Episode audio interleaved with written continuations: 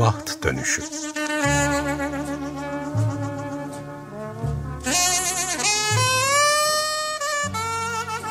Kısa öykü okumaları ve büyüme biçimleri Hazırlayan ve sunan Ayşe Görür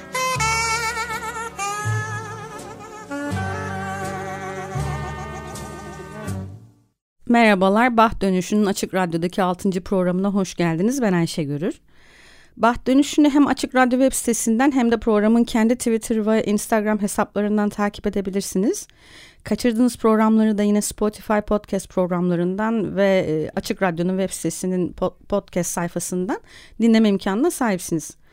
Bugün Poe ve Çehov'un kısa öyküye kattığı yenilikleri, kendi dönemleri için farklı teknikleri yani tek etki kuramı, durum kesit öyküsü, ucu, ucu açık öykü nedir onu konuşacağız.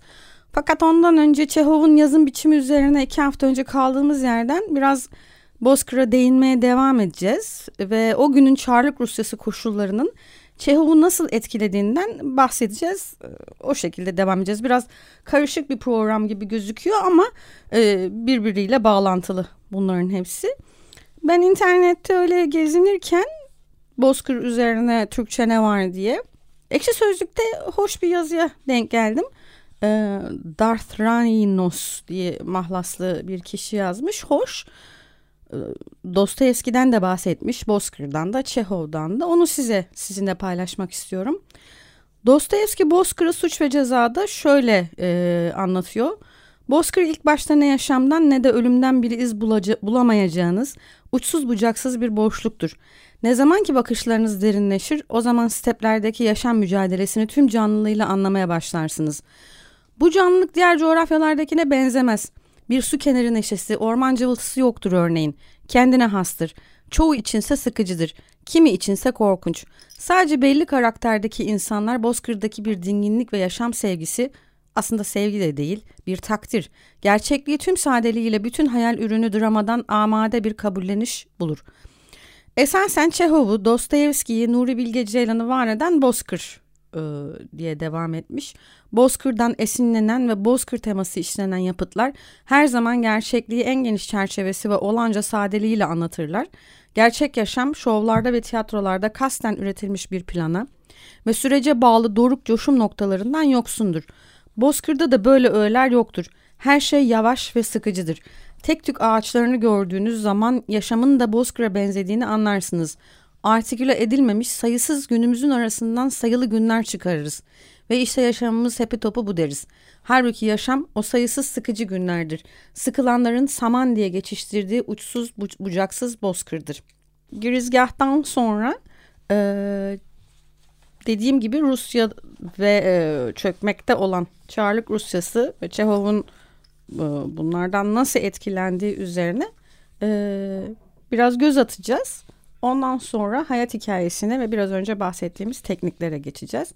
Üretim ilişkilerinin değiştiği Rusya'da bu duruma ayak uyduramayıp melankoliye doğru ilerleyen aristokratları, geçmişin durağan ama mutlu günlerini özleyen iflah olmaz romantiklerini, sazı eline alan ancak henüz entelektüel gelişimini tamamlayamadığı için aristokrasi karşısında kendisini ezik eden burjuvaziyi, bunların yanında yaşantısı hiçbir düzende değişmemiş olan ayak takımını, pre-proletarya ve proletaryayı, Rusya'nın yeni bir şeylere gebe olduğunun çok farkında olan ama şimdilik yalnızca çalışmak zorunda olduğunu gören küçük burjuvaziyi anlatan e, hikayelerinde çağını aşmış bir yazar Çehov. Para kazanmak için para karşılığı öyküler dinleyip bunları yazıya aktardığı söyleniyor. Yazdığı öyküler binlerle ifade ediliyor. Çoğu kısa öykü tabii. Hayatını, hayatın yasını tutmakla geleceği kurmak arasında yaşarken bugünü ıskalamanın acısını bütün Rusya ile paylaşıyor Çehov. Diyalogdan kaçınma özelliği var. Hem şey oyunlarında hem hikayelerinde. Bu çok başat özelliklerinden biri. Onun karakterlerinin çoğu insan, çocuk insan gibiler zaten. Bu çocuk insanlar kendilerini ya diyalog yaratmaktan ya da şimdiki zamandan feragat etme isteğiyle ön plana çıkıyorlar. Yani şimdiki zamandan feragat derken de bu Rusya ile o dönemki Çarlık Rusyası ile çok ilgili. Onlar ne zaman canları sıkılsa ya eski mutlu günlerinden bahsediyorlar ya da gelecekle ilgili hayallerini anlatıp duruyorlar. Yani kimse içinde bulunan durumla ilgili yorum yapmak istemiyor. Kimse bulundukları durumla ilgili karar vermek istemiyor. Çöken çarlık sisteminin ve değişen düzenin birer sembolü e, adeta bunlar. E, ve onun kısa hikayelerinde ve yine oyunlarında diyaloglarda yaşam üstüne en çarpıcı gözlem ve e, duygusal sözlere en kaba ve basit söz ve imaların bir arada bulunduğunu görüyoruz. Yani çok çok rastlanan bir olgu bu. Her şey çok olağan. Günlük yaşamın ayrıntıları sıradan bir e, söz. Adeta kaybolan ve sonradan bulunduğunda hiç ilgisiz bir şekilde sahneye atılıveren bir çift galoş.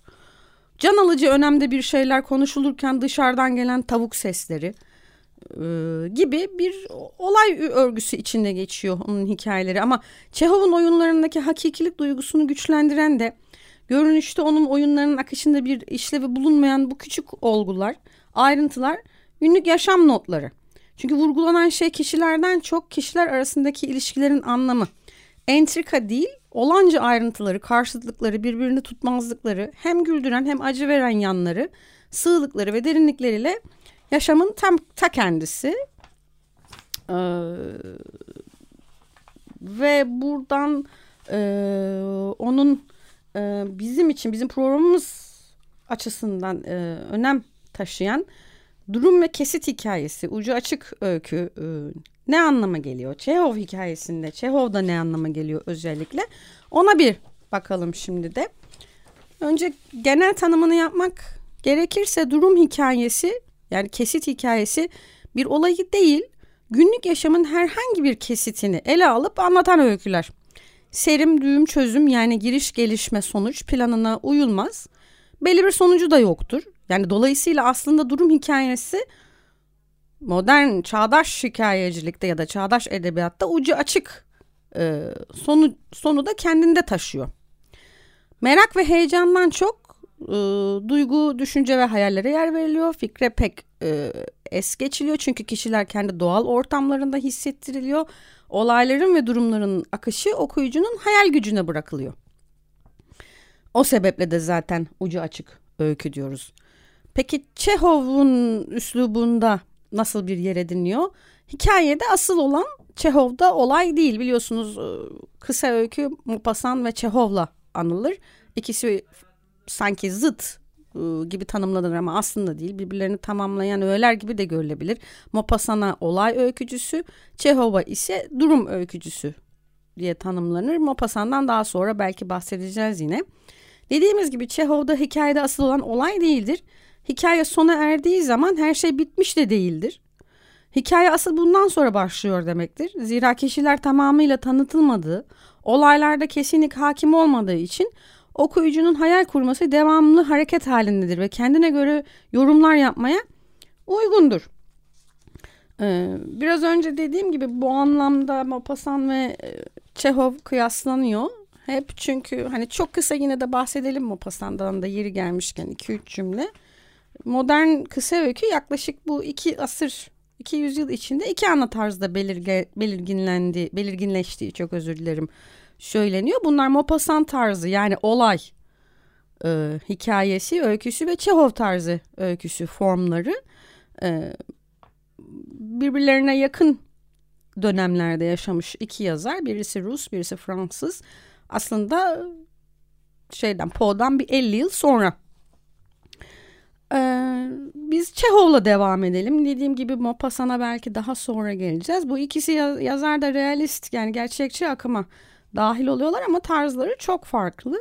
Ee, yani Maupassant'da dediğim gibi olay örgüsü çok daha yoğun. Ee, merak uyandıran hikayeler, iniş çıkışlar, okuyucunun merak duygusunu ayak tutmaya, ayakta tutmaya çalışan iniş çıkışlar ve şaşırtıcı bir son. Çehov'a geldiğimizde ise olay örgüsünün önemi azalmış. Neredeyse olay neredeyse yoka yakın. Her şeyden önce yani öyle özenle seçilmiş bir büyük olay kesinlikle yok. Hatta çok açık çatışmalardan doğan büyük olaylardan ısrarla kaçınma var.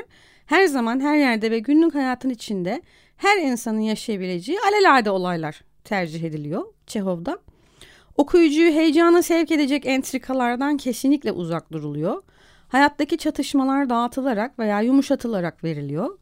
olay örgüsünün bitişiyle alemdeki hayat bitmiyor. Evren e, kendi içindeki döngüsüne devam ediyor. Ve olayın bitişi okuyucuyu şaşırtmıyor da. E, kısaca hikaye gücünü, öykü gücünü olaydan almıyor. E, burada Çehov'un bir cümlesini okursak daha iyi anlaşılacak ne demek istediğim. E, o alıntıyı sizinle paylaşmak istiyorum. Bir söz ne kadar derin ve ince olursa olsun çok mutlu ve çok mutsuz olanları önemsiz gelir. Onları tatmin etmez. Bu yüzden aptallıklar hep çok sevinçli veya kederli zamanlarda yapılır. Aşıklar birbirinde en iyi sessizken anlar. Mezarın başında yapılan ateşli hararetli bir konuşma da yalnızca yabancıları duygulandırır. Ölenin yakınlarına soğuk ve ehemmiyetsiz gelir. Dolayısıyla e, sözün derin ve ince olanını tercih ediyor. Cafcaflı sözleri, parlak hikayeleri bir kenara bırakıyor Çehov. E, zaten onun meşhur anlatma göster yorumu e, yazar adaylarının ilk öğrendiği ne diyelim mottolardan biridir. E, pek çok şey okuyucunun hayal gücüne bırakılır. Gösterme tarzının daha belirgin olduğu Çehov tarzında sezdirme her şeyden daha önceliklidir. Tekrar edelim onun da dediği gibi çok kısa, çok özlü anlatma göster. Biliyorum Poe'ya çok zaman ayırdık. Belki de sıkıldınız yani sıkılmadığınızı ben umuyorum ama yine de ürküyorum da. Onun da ruhu bizi rahat bırakmıyor. Yani tabiri yerindeyse musallat oldu. Onu da seveceği bir tabirle. Ama Çehov'la biraz kıyaslamak gerekiyor. Ondan 50 yıl önce tek etkin kuramıyla ne anlatmak istiyordu ona bir bakalım. Çehov daha sonraki yani biraz önce okuduğumuz analiz ettiğimiz yorumlarla birlikte kısa öykü açısından hani onları kıyaslamak değil de ikisinin 19. yüzyılın sonunda e, onların getirdiği yeniliklerin modern çağdaş 20. yüzyıl kısa öykü tarihine katkısını önümüzdeki programlarda inceleyeceğiz zaten. Kısa öykü edebiyatını nasıl etkilediğini yer yer konuşacağız. Poe'ye göre bir hikaye okuyucunun zihninde tek bir etki yaratacak şekilde kurgulanmalı. Hikaye metninin tamamındaki kişiler, olaylar ve mekanlar bu tek etkiyi oluşturmaya hizmet etmeli. Bu tek etki okuyucuyu derinden sarsmalı ve okuyucunun uzun bir süre etkisinde kalmasını sağlamalı. Poe'ye göre tek etkinin sağlanabilmesi için de hikayenin uzunluğu önemli. Ona göre böyle bir hikaye tek bir oturuşta bitirilecek kadar kısa olmalı. Hikayede tek etkinin sağlanabilmesi için de dikkat edilmesi gerekenler şunlar. Hikayenin olay örgüsü okuyucunun hayalinde tek bir etki yaratacak biçimde düzenlenmeli. Okuyucunun dikkati bu etkiye odaklanmalı. Bu etkinin sağlanabilmesi için okuyucunun dikkatinin taze kalması gerekli. Bu dikkatte hikayecinin ancak bir oturuşta demin de söylediğimiz gibi bitirebileceği uzunlukta olmasıyla sağlanabilir. Olaylar, kahramanlar ve hikayenin diğer bileşenleri bu tek etkiye hizmet edecek bir şekilde kurgulanmalı ve geliştirmeye uygun olmalıdır. Yazar üslubu o kadar sağlam bir şekilde belirlemelidir ki tek bir cümlenin metinden çıkarılması bile hikayenin bütünlüğünü bozabilecek bir durum olmalıdır. Bu mesela birbirlerinden haberdar değiller Poe ve e, Çehov ama Çehov'un oyunları için söylediği daha çok tiyatro oyunları için hani o meşhur cümleyi de hatırlatıyor. Duvara bir silah asıldıysa o silah o metinde patlamalı ya da o silah oradan kaldırılmalı der. Gerçi Çehov bu kadar dikkatli değil. Yani onun metinlerinde sarkan yerler var. Eleştirmek için söylemedim. Çehov'un metinlerine yakışan da o. Ama Poe gerçekten santim santim, milim milim hatta yazdığı için e, buna çok dikkat ediyor. Poe herhangi bir sanat eserinde çaba gösterilmesi gereken etki birliğini diğer tüm ilkelerden daha fazla vurguluyor. Örneğin çeşitli eleştirel yazılarında tekrar tekrar ortaya çıkan sözcük ve deyimler şunlar.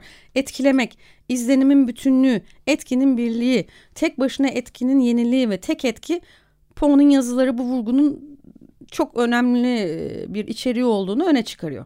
Bu ifadelerle Poe sanatçının okuyucunun duygusal tepkisinde hangi etkiyi yaratmak istediğine karar vermesi ve ardından bu özel etkiyi etki elde etmek için tüm yaratıcı güçlerini kullanması gerektiğini kastediyor. Örneğin korku Poe'nun kısa öykülerinin çoğu için seçtiği bir etki ve her kelime ve her görüntü okuyucunun zihninde bir korku etkisi yaratmak için dikkatle seçilmiş. Aşırıların çöküşü Poe'nun öyküdeki her şeyin tek bir etkiye katkıda bulunması gerektiğini belirten kompozisyon ilkesini mükemmel bir şekilde örnekliyor. Sonuç olarak hikayedeki her kelime, her görüntü ve her açıklama hem anlatıcıda hem okuyucuda bir korku ve dehşet duygusu yaratmak amacıyla seçilmiş, uğursuz ve önsezili açılış paragraflarından aşırı duyarlı, umutsuzca kırılgan ve narin Roderick Asher'ın sonumuna e, yaşayan bir cesedin ortaya çıktığı korkunç sonuca kadar Poe'nun tüm ayrıntıları beraberindeki kaygıyı yaratmak için bir araya geliyor. O acımasız heyyula korku. Çehov'un da benzer bir kullanımı var ama Poe kadar katı olduğunu düşünmüyorum. Söylemiştim daha önce. Onun da duvara asılı silahın mutlaka patlaması gerektiğini ya da silahın kaldırılması gerektiğini söylüyor ama o o kadar zaten e, Poe kadar e, ölçülü biri de değil. Metinde kendine ait bir duygu dünyası var. Programımızın içeriği açısından her iki yazarın büyüme koşullarına biraz göz atmak istedim. Yazdıklarına etkisi açısından. Edgar Allan Poe 19 Ocak 1809'da doğdu ve e, 7 Ekim 1849'da öldü. Sadece 40 yıl yaşadı ancak kısa ömrü boyunca hem Amerikan edebiyatında hem de dünya edebiyatında kendisine ölümsüz bir yer edindi. Ne yazık ki Poe'nun hayatıyla ilgili hemen her şey tahrif edilmiş, romantikleştirilmiş ve belki biraz da çarpıtılmış. Çeşitli zamanlarda Poe'nun manik depresif, uyuşturucu bağımlısı, Sara hastası, alkolik olduğu söylenmiş. Bunların yazıları yani yazı yani kendi metinleri bunların bir kısmının doğruluğu hakkında ipuçları taşıyor tabii. Ama benim anladığım kadarıyla kesin bir bilgiye ulaşmak biraz zor. Çünkü Poe'nun öykülerindeki korku ve gizemle ve şiirlerinin karanlık romantizmiyle ilgilenen ilk eleştirmenler ve biyografi yazar, yazarları bu tuhaf masalları ne tür bir adamın ürettiğine dair kendi vizyonlarını yaratmak için sık sık geçmişinin gerçeklerini işlemişler ama Poe'nun gerçek dehası uzun süre ihmal edilmiş. Gerçekten de muhtemelen bu Amerikan edebiyatı, Amerikan edebiyat ustası hakkında kendisinin ürettiğinden daha fazla kurgu yazılmış. Yine de gerçekler az olduğu için Poe'nun Amerika'nın ilk gerçek nevrotik dehası olduğu iddiası muhtemelen hep devam edecek. Poe'nun her iki bebeğinde profesyonel oyuncu. Ee, annesi babası David Poe ile evlendiğinde iki, iki, ikinci evliliği olduğu halde çok genç. Ve babası henüz bir aktör olarak oldukça meşhur ve kendisi gibi bir alkolik. Fakat Poe doğduktan bir yıl sonra babası aileyi terk ediyor. Annesi ise ondan bir yıl sonra ölüyor. Genç Poe Güneyli zengin bir tüccar olan John Allen tarafından evlatlık alınıyor. Ee, John Allen başlarda ona iyi bir yuva ve iyi bir eğitim vermeye çalışıyor. Fakat ergenlik dönemlerinde çok sık tartışıyorlar ve evden ayrılır ayrılmaz Poe Virginia Üniversitesi'ne kaydoluyor. Oradayken iyi bir akademik ün kazanıyor ama oradaki sosyal statüsünün gerektiği tarz yaşamana, yaşamını sürdürmesine Baba Alan maddi anlamda pek izin vermiyor. Ona engel oluyor. Ee, evde mutsuz olan Poe bir şekilde Boston'a gidiyor ve burada şiirlerinin yayınlanmasını sağlıyor. Daha sonra orduya katılıyor. Ama orada yine babası ve babasından e, maddi bir destek alamadığı için hüsrana uğruyor. Askeri mahkemeye çıkarılmasını sağlıyor. Kendisinin ve görevden alınmasına kadar gidiyor bu. Bay Allen 1834'te Poe'yu hayal kırıklığına uğratarak ölüyor. Çünkü servetinin bir kısmını alacağını bekleyen Poe hiçbir şey alamıyor. Bir kuruş bile. Bu nedenle yavaş yavaş bir pazar olmaya başlayan öyküler yazmaya başlıyor. Yani buradan para kazanmayı umuyor ama çok sevdiği şiiri de devam ediyor. Kuzeni Virginia ile 14 yaşındayken, Virginia 14 yaşındayken evleniyor. Ertesi yıl karısı ve teyzesiyle birlikte New York'a gidiyorlar ve hayatının geri kalanını çok da uzun anlatamayacağım programımızın süresi yetmiyor sık sık iş ve şehir değiştirmek üzere yazarak ve editörlük yaparak geçiriyor ama çoğu zaman çok içki içtiği için işini kaybediyor. Fakat yine de farklı yerlerde editörlüğe devam edebiliyor. Çoğu biyografi yazarı Poe'nun alkolizmden öldüğü konusunda hemfikir. Resmi olarak beyin tıkanıklığı yaşadığı söyleniyor. Bir başka iddiaya göre de Poe'nun dört gün halüsinasyon gördükten ve hayali insanlara bağırdıktan sonra Washington College Hastanesi'nde öldüğünü belirtiyorlar yani ölümü hakkında da kesin bir bilgimiz yok.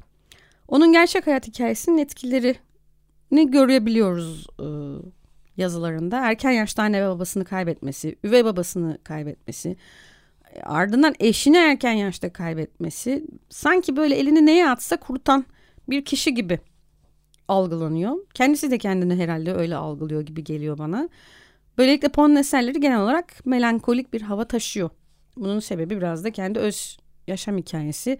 Karısının erken ölümünün üzerine bıraktığı etkileri meşhur Lenore ve Raven kuzgun şiirlerinde bulabiliyorsunuz. Kendisinin şöyle bir açıklaması da var. Bu görüşlerin bir sonucu olarak Poe bir sanat eseri için en etkili konunun güzel bir genç kadının ölümü olduğunu söylüyor. Bu belki de Poe'nun en ünlü ve en sık tekrarlanan görüşlerinden biri ve ayrıca en yüksek miktarda duygusal melankoli elde etmek için çünkü edebiyatın esas hedefinin o olduğunu söylüyor. Genç ve güzel bir kadının yassı sevgilinin dudaklarıyla ifade edilmesi gerekir diyor. Ve şöyle bir cümlesi var çok bu durumu açıklayan. If beauty is the province of the poem, then the tone should be one of sadness. Melancholy is thus the most legitimate of all the poetical tones. Şiirin alanı güzellikse o zaman ton hüzün olmalıdır. Bu nedenle melankoli tüm şiirsel tonların en meşrusudur. Kendisinin diğer kısa öykülerine bakmak isterseniz bir de tabii ki polisiye hikayelerini de unutmadan The Black Cat, Kara Kedi, Amontillado Fıçısı, Eleonora, The Telltale Heart, Geveze Yürek yani Kuyu ve Sarkaç, Morg Sokağı Cinayetleri ve Aşırıların Çöküşünü çok benzeten üslup olarak Kızıl Ölümü Maskesi'ni özellikle çok da kısa bir hikayedir. Okumanızı tavsiye ederim. Şimdi Çehov'a gelelim. Anton Pavlovich Çehov Rus oyun ve kısa öykü yazarı. Tarihte kısa öykü alanında en iyi yazarlar arasında sayılıyor. Henrik Ibsen ve August Strindberg ile birlikte çoğu zaman tiyatroda erken modernizmin doğuşundaki üç yaratıcı figürden biri olarak da anılmakta. Edebi kariyerinin çoğunda tıp doktoru olarak çalışmış ve tıp benim nikahlı karım, edebiyat ise metresim gibi vahim bir sözü de sarf etmiş maalesef. Ee, çocukluğuna baktığımızda Rusya'nın güneyindeki Azak denizine bağlı bir liman şehri olan Taganrog'da 1860 e, dünyaya gelmiş. Eski bir serfili Ukraynalı bir kadının oğlu olan babası günümüz Ukraynası yakınlarındaki bir köyden doğuyor. Geçen hafta analiz ettiğimiz ve bugün de bahsettiğimiz Bozkır'ın da geçtiği yerler ve orada bir bakkal işletiyor. Kilise korosunun da şefi, dindar bir Ortodoks e, ve çocuklarına fiziksel şiddet uyguladığı da iddia ediliyor.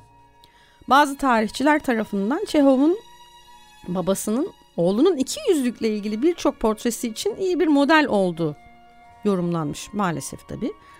Çehov'un annesi Yevgenya ise Rusya'nın her yerinde kumaş tüccarı babasıyla yaptığı yolculukların hikayeleriyle çocuklarını eğlendiren mükemmel bir hikaye anlatıcısı. Çehov çocukluğundan çok da tatlı bir e, dille bahsetmiyor açıkçası. 1876'da babası iflas ediyor. Borcundan ötürü hapishaneye girmemek için Moskova'ya kaçıyor. Diğer iki büyük oğlunu da alarak. Çehov ailesinin mallarını satmak ve eğitimini biter, bitirmek için geride kalıyor. 1879'da Çehov okulunu bitiriyor. Ailesinin yanına Moskova'ya gidiyor ve tıp fakültesinde kabul ediliyor. Ee, artık bütün ailenin sorumluluğunu üstlenmiş ve harç ücretlerini ödemek için de Antosha Çehonte adında takma isim kullanarak Rus hayatına dair günlük kısa komik skeçler yazıyor. Tabii konular farklı olmak üzere bu Poe'yla benzer bir nokta. Bu arada ben size şarkı anonsu yapmayı unuttum. Ee, bir süredir dinlemekte olduğunuz parça Ögen Dogan'ın e, Waltz adlı parçası. E, ya Bozkır'a uygun bir parça bulmakta hep zorlanıyorum. Vals ne alaka diyebilirsiniz ama ben bu parçada nedense Bozkır'daki o otların dansını e, hissedebiliyorum. Bir de o inişli çıkışlı, hüzünlü başlayan ama yükselen, e, hafif neşeli bölümleri de olan e, bu parçayı o Rus e, ruhuna da Çehov'un metinlerine de çok uygun buldum. E, kaldığım yerden devam ediyorum. Anonsu yapmak için yapmayı unuttuğum için de kusura bakmayın lütfen. E, olağanüstü çıkışıyla Çehov yavaş yavaş Rus sokak yaşamının hicivli bir yazarı olarak ün kazanıyor. Ancak 1884'te veren belirtileri başlıyor. Haftalık dergiler için yazmaya devam ediyor. Ailesinin daha iyi bir yere taşınmasını sağlayacak kadar yeterli para kazanmaya başlıyor. aşırı çalışma ve kötüye giden sağlığı sebebiyle 1887'de Ukrayna'ya seyahat ediyor ve geçen hafta uzun uzun üzerine konuştuğumuz Bozkır'ı yazıyor. Bozkır'ın yanı sırına ya Bozkır'ın ardından Martı 1895, Vanya Dayı 1897, Üç Kız Kardeş 1900 ve Vişne Bahçesi 1903 gibi oyunlar geliyor. 1897'de Moskova'yı ziyaret ettiğinde akciğerlerden büyük bir kana, akciğerlerinden büyük bir kanama geçiriyor maalesef. Büyük zorluklarla bir kliniğe girmek için ikna ediyorlar onu. Burada doktorlar akciğerlerin üst kısmında e, verem teşhisi koyarak, tüberküloz teşhisi koyarak yaşam tarzında büyük bir değişiklik yapması gerektiğini öneriyorlar. 1901'de oyuncu Olga Nepper'la sessizce evleniyor. Bu ana kadar Rusya'nın en zorlu edebi bekar olarak Çehov e, pek kadınlarla ilişkiye, uzun ilişkilere girmeyi tercih etmemiş. Evliliği de hiç düşünmemiş. Olga ile olan evliliği ise e, başarılı gittiği söylenebilir kısa sürme, kısa sürdüğü halde kendi vefatı sebebiyle. Çünkü Olga uzakta, kendisi uzakta. Genelde başka şehirlerde yaşıyorlar. Ölümü ve cenazesi çok enteresan. Tıpkı kendi hikayeleri gibi hem hüzünlü hem de esprili. Hem ölüm anından hem de cenazesinden bir örnek vermek istiyorum. Eşi Olga veremi son derece ilerlemiş. Kocasının son anlarını şöyle dile getiriyor. Anton olağan dışı bir şekilde oturdu ve yüksek sesle ve açıkça söyledi. Neredeyse hiç Almanca bilmese de. Sanırım o sırada bir, bir Alman şehrindeler tedavi sebebiyle. İşler be, ölüyorum. Doktor onu sakinleştirdi, bir şırınga aldı, ona bir kafir iğnesi yaptı ve şampanya sipariş etti. Anton dolu bir bardak aldı, inceledi, bana gülümsemedi ve şöyle dedi. Şampanya içmem üzerinden çok zaman geçti. Şampanyayı bitirdi ve sol tarafına sessizce uzandı ve ona doğru koşarak yatağa eğilip ona seslenecek vaktim oldu.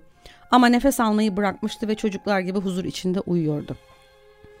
Çehov'un naaşı İstiridye içinde kullanılan bir soğutulmuş demir yolu aracılığıyla Moskova'ya taşınmış.